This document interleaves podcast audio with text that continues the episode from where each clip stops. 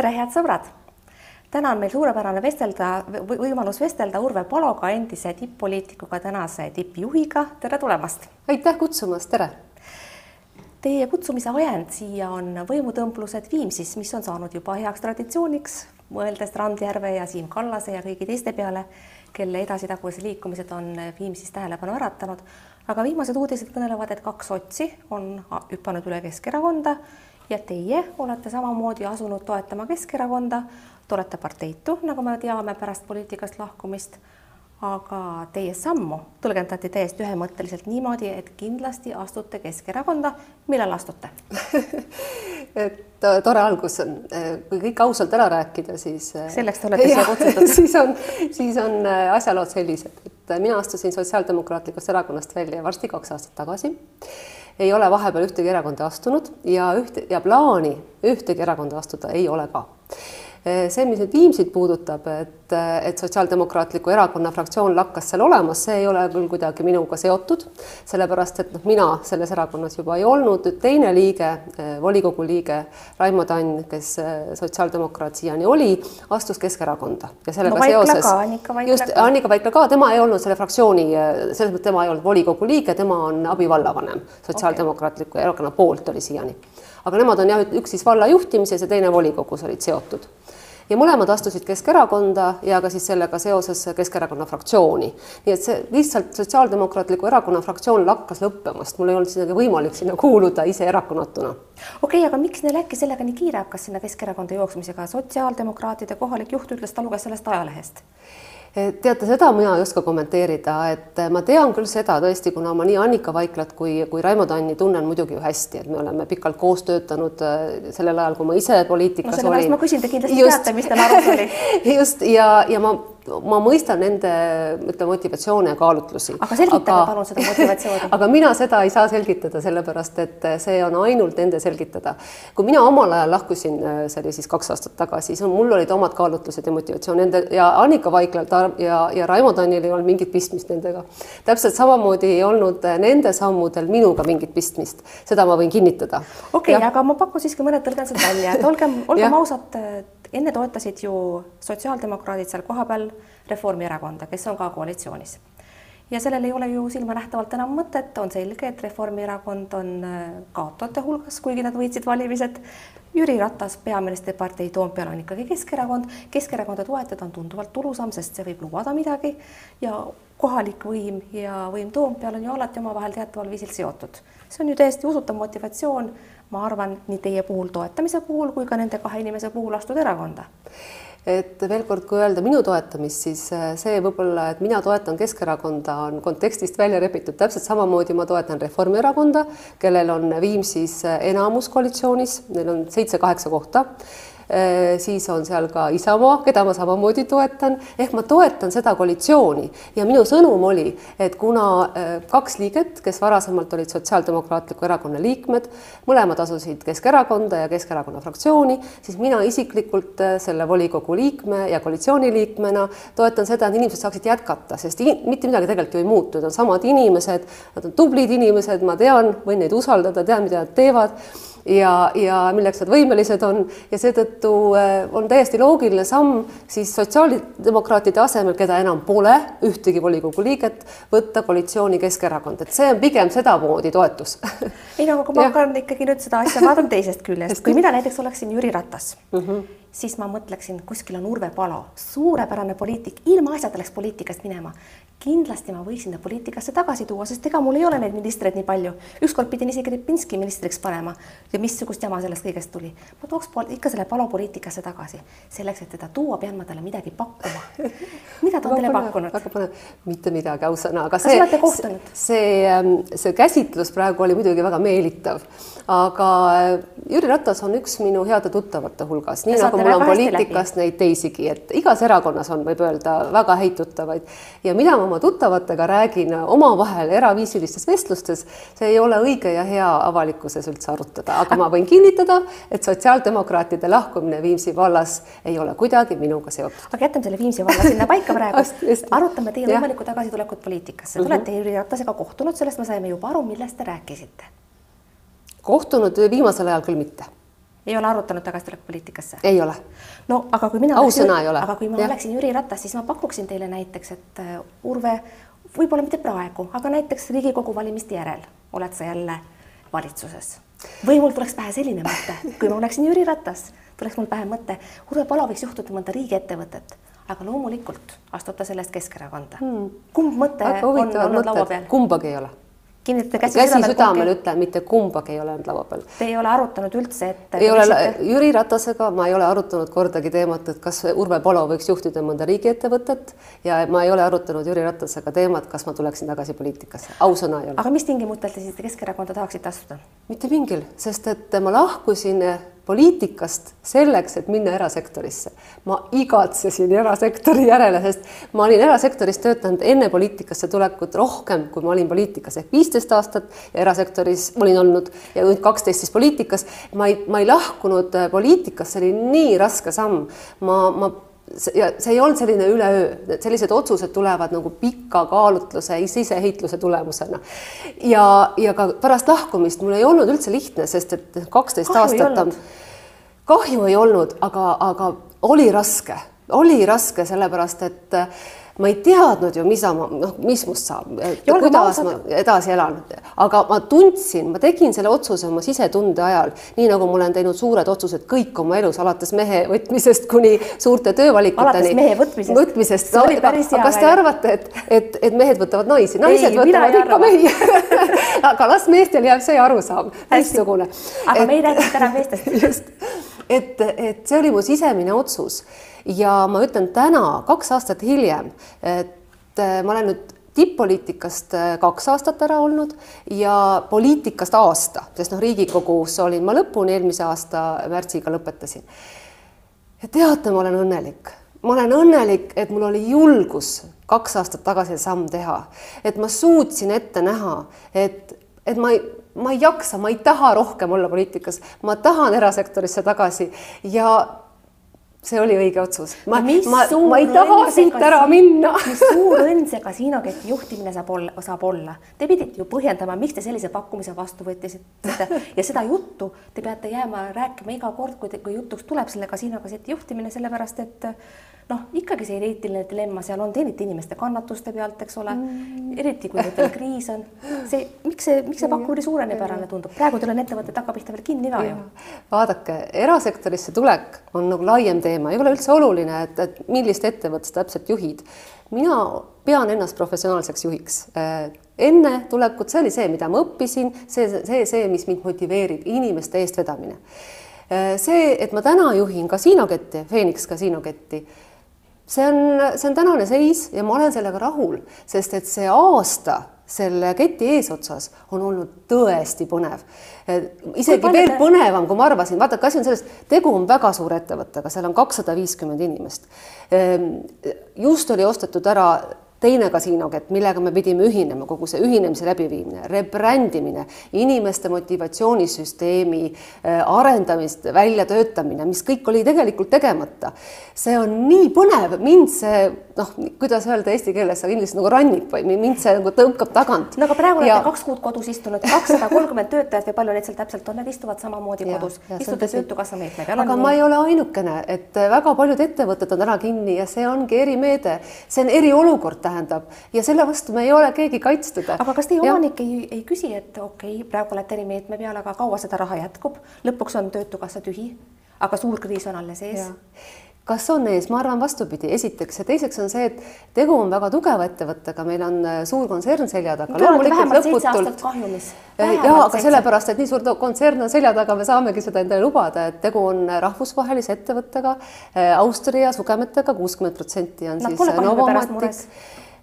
Vaadake ettevõtetel on erinevad nagu ütleme siis turule tulekud strateegiad ja, ja Novomatic Grupil ja siis ka Alforil, kes on Läti poole pealt, on olnud, et oluline on algul turgu hõivata, investeerida me näeme selliseid ettevõtteid väga palju, kes niiviisi turule tulevad, meie oleme sealhulgas ja minu ülesanne, miks mind lõpuks võeti siia koha pealt Eesti juhti, varem ei olnud siin Eesti juhti, ongi see, et seda võrku nüüd optimeerida ja hakata liikuma ikka selles suunas, et kasumit teenida. mina isiklikult tahaksin te juhtida ettevõtet, mis teenib kasumit. see oleks tõesti palju parem. see mind motiveerib. paljud olümpiku kliente olete kätte saanud, sest äh, selge see, et väga palju inimesi, noh, kõik inimesed ei hakka kasiinos käima, aga need, kes käivad olümpikus, need võiksid käia teie juures. Palju olete üle löönud? Ehm, vara on veel öelda, aga ma julgen seda öelda, et kui ma töötasin välja inimeste motivatsioonisüsteemi es esmakordselt selles organisatsioonis, mis hakkas sellest aastast tööle, see oli kvartali kaupa, siis märtsi lõpus me oleksime, oleksid töötajad boonust saanud, sellepärast meil läks hästi. palju te koondama peate? Ehm, täna mitte ei pea, paar inimest oleme ehm, administratsioonis koondanud, mis oli ka sellise üldise noh, võib-olla pikaajalisem plaan juba, aga noh, viisime nüüd ellu, siis üldiselt ei ole ja, ja siin on kaks põhjust, et esiteks äh, on aidanud meil äh, seda vältida Töötukassa meede, mis on palgatoetuse meede, mida ma tõesti kiidan, seda tehti kiiresti ja professionaalselt, see aitas väga paljusid sektoreid, meid sealhulgas. kas, kas me olete kärpinud ka või? ja meil oli niiviisi, et palju me... te ise olete palgas kaotanud? mina olen kaotanud kolmkümmend protsenti. ja teised töötajad? meil on jagatud niiviisi, et äh, kes on tööl, noh, nagu ma ise tegelikult igapäevaselt ma toimetan, kes on ikkagi tööl, need on äh, samamoodi sama palju alandatud, kes tööd üldse ei ole, need on kuni miinimumpalgani aga kasiinosaali töötajate palk ju võib-olla miinimumpalgast väga kõrgemale ei ulatagi. ulatub siis... ikka, umbes kaks korda kõrgem on ikkagi. okay., ja, ja nendele siis ja. kärpisite samuti kolmkümmend? Ehm, no märtsis näiteks, kuigi meid pandi ju kinni äh, kuusteist märts, äh, siis äh, me ei kärpinud üldse, inimesed said täispalga, kuigi pool kuud istusid kodus uh. Mhm. -huh. siis aprillis me samamoodi, me tänu sellele, et riik maksis palgatoetust, kärpisime inimeste palka maksimum kolmkümmend protsenti ehk et kõik, no suures osa inimesi istus kodus, aga nad said seitsekümmend protsenti oma palgast. ja nüüd mais, kuna kahjuks Töötukassa meede saab otsa, kaks kuud saab seda taodelda, siis äh, ongi niiviisi, et, et suurem osa inimesi mais on meil miinimumpalga peal. Sügisel mõningate pessimistlike prognooside kohalt on meil sada tuhat töötut. kas äh, teie pakute sinna omalt poolt veel lisa või kuidas? Äh, ma loodan väga, et ei paku, et eh, eks praegu ongi niiviisi, et inimesed, kes pooldab mis stsenaariumeid, et mina olen optimistliku stsenaariumi pooldaja või noh, ütleme kõhutunne ütleb, et, et ehk läheb hästi. ja, lainet ja sügisel. kui läheb niiviisi, et nüüd äh, eriolukord lõpeb meil kaheksateist märts, mai, vabandust, kaheksateist mai ja, ja siis äh, noh, suures osas hakkab ju tööle organisatsioone, ettevõtteid. ma tean, et meelelahutus, mille alla meie kuulume koos kinode, teatritega, ma loodan, et jälgitakse olukorda ja kõik läheb praeguste nagu kenade stsenaariumide järgi, et siis me saame juuni alguses avada. inimesed on kaotanud oma sissetulekut, nad ei tule oma raha kasiinosse laiaks lööma et äh, teate, asi on selles, muidugi kohe ei taastu kõik, see on selge.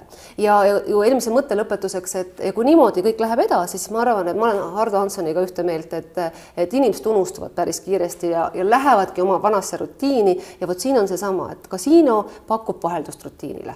muidugi mitte kõigile. kulutada, kui töökohta pole, siis ikka aga miks ei ole, vaata ongi, kui elu taastub järk-järgult, siis ka inimestel tekib ju noh, samuti uuesti sissetulekut, näiteks teeninduses on palju inimesi koondatud täna, me teame siis äh, aga teeninduses oli palju inimesi ka puudu.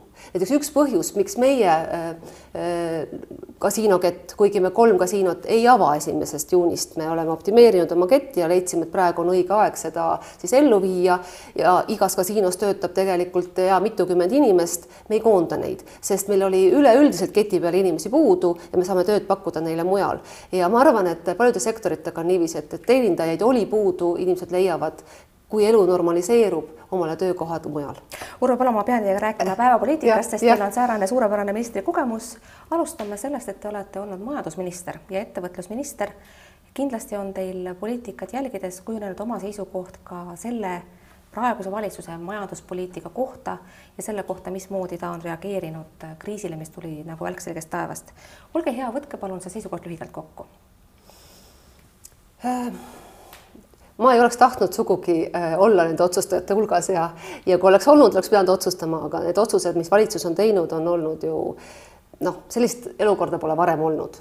aga arvestades kõike, minu meelest valitsus saanud noh, suhteliselt hästi hakkama, et, et see palgameede tuli kiiresti, mis on jäänud venima on, on paljud teised, mis Majandusministeeriumi poolt peaks välja töötatud noh, meetmed olema, et et aga need järk-järgult hakkavad ka tulema. aga kui vaadata nagu seda suurt vastandumist Tallinki ja Bolti vahel mm, -hmm. mis küttis avalikult kirgi väga palju, Tallink lõpuks sai oma suure raha kätte mm -hmm. ja, ja noh, siin sellega seoses tekivad jälle uued küsimused, et miks nii palju ja tegelikult mm -hmm. olulise turujõuga ettevõtteid on mm -hmm. teisigi ja kuidas oleks pidanud ikkagi jagama, et mis oleks teie hinnangul olnud see või mis oleks olnud see põhimõte, mille järgi teie majandusministrina oleksite ettevõtteid toetanud? no ma arvan, et üks on kindlasti mõju kogu majandusele siin Eestis, noh, millist mõju see ettevõte avaldab Eesti majanduse, Eesti majanduse käekäigule. aga ja, sõnastage see ja. mõju palun selles samas Tallinki ja Bolti vastanduses, mis tekkis ma ei ole nii, selleks, et vastata niimoodi väga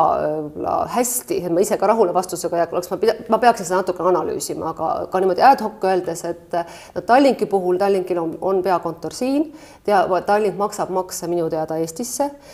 Bolt on viinud oma noh, nii-öelda optimeerinud makse, viinud äh, kasutab võimalust hoopis pigem äh, Lätis makse maksta. minu meelest need asjad on, mida rasketel aegadel äh, tuleb arvesse võtta. Äh, noh, tööandjad on mõlemad suuremad, Tallinn kindlasti, Tallink veel suurem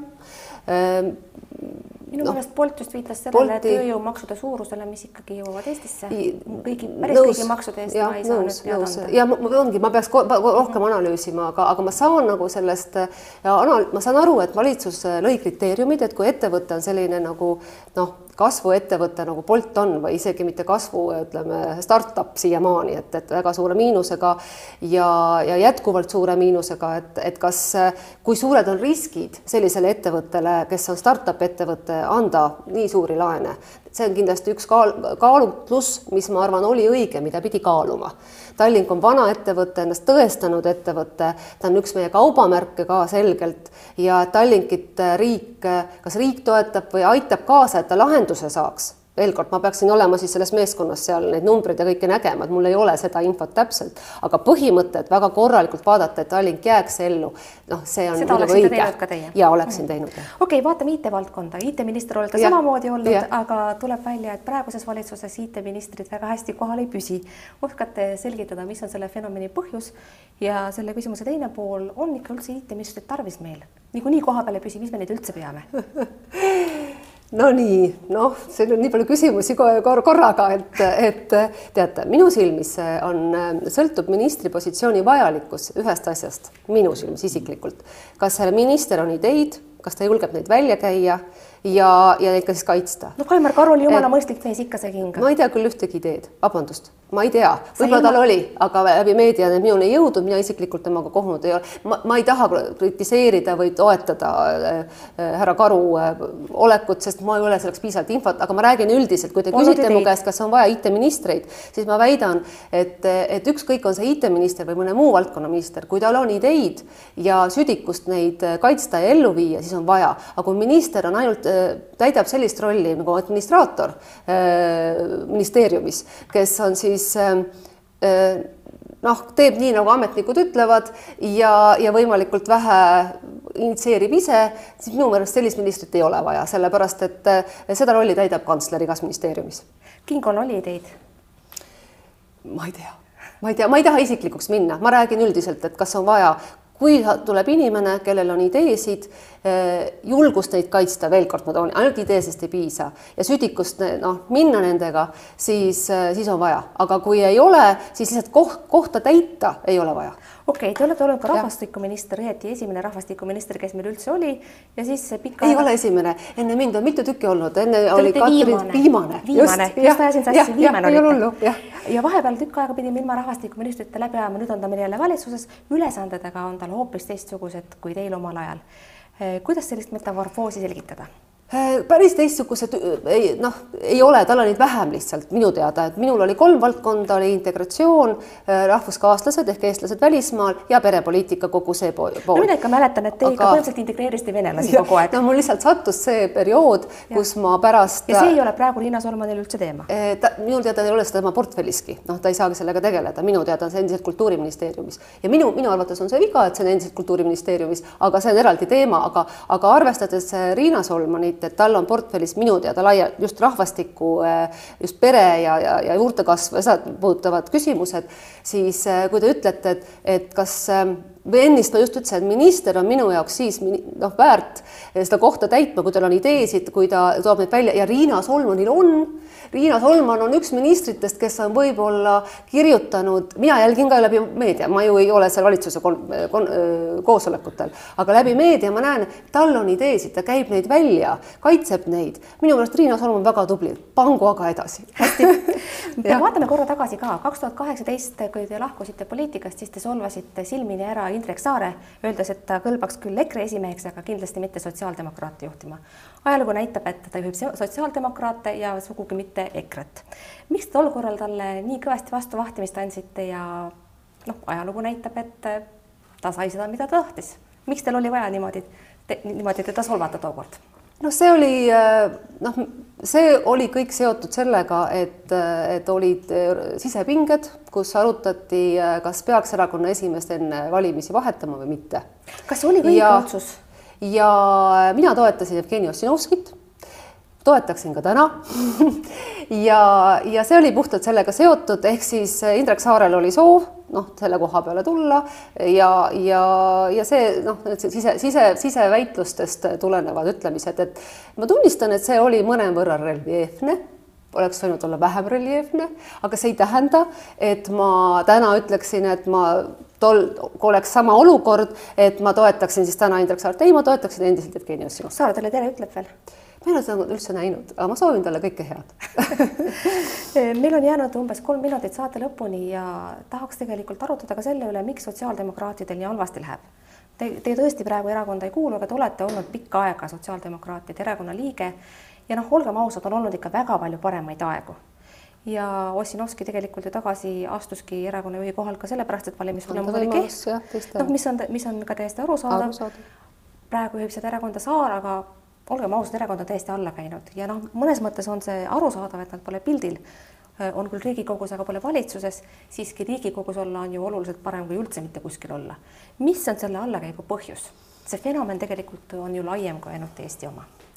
Vot hakkamegi laiemalt, siis laiemalt ei ole et äh, mõned aastad tagasi räägiti, et sotsiaaldemokraatia aeg on läbi ja, ja igal pool ja, ja sellel maailmavaatel ei ole enam nagu turgu ja vajadust ja nii edasi. vaatame täna Põhja-Euroopas ringi. Äh, Soomes, Taanis, äh, Rootsis praegu kiiruga jah, on sotsiaaldemokraat, võib-olla rohkemgi, ma ei ole kodutöötaja. eriti lähedal ja seda me näeme tõepoolest. ja, ja no samuti Taanis ja, ja Rootsis. aga miks meil nii kehvasti läheb? ehk siis see aeg ei ole läbi, ma ütlen selle peale, et järelikult tellimust on nii-öelda olemas. miks meil on äh, sotsiaaldemokraadid on, on väga olulist rolli tegelikult siiani noh, Eesti poliitikas omanud, et noh, sotsiaaldemokraatide ju loodud on ka Töötukassa, kust me täna kõik saame, äh, millele me saame toetuda täna, et majandus jääks elama ja, ja mitte ainult, me toome, saan tuua mitmeid, sotsiaaldemokraadid on solidaarset ravikindlustust ikka toetanud, sotsiaaldemokraadid on äh, siin äh, perede ja laste eest seisnud ja nii edasi.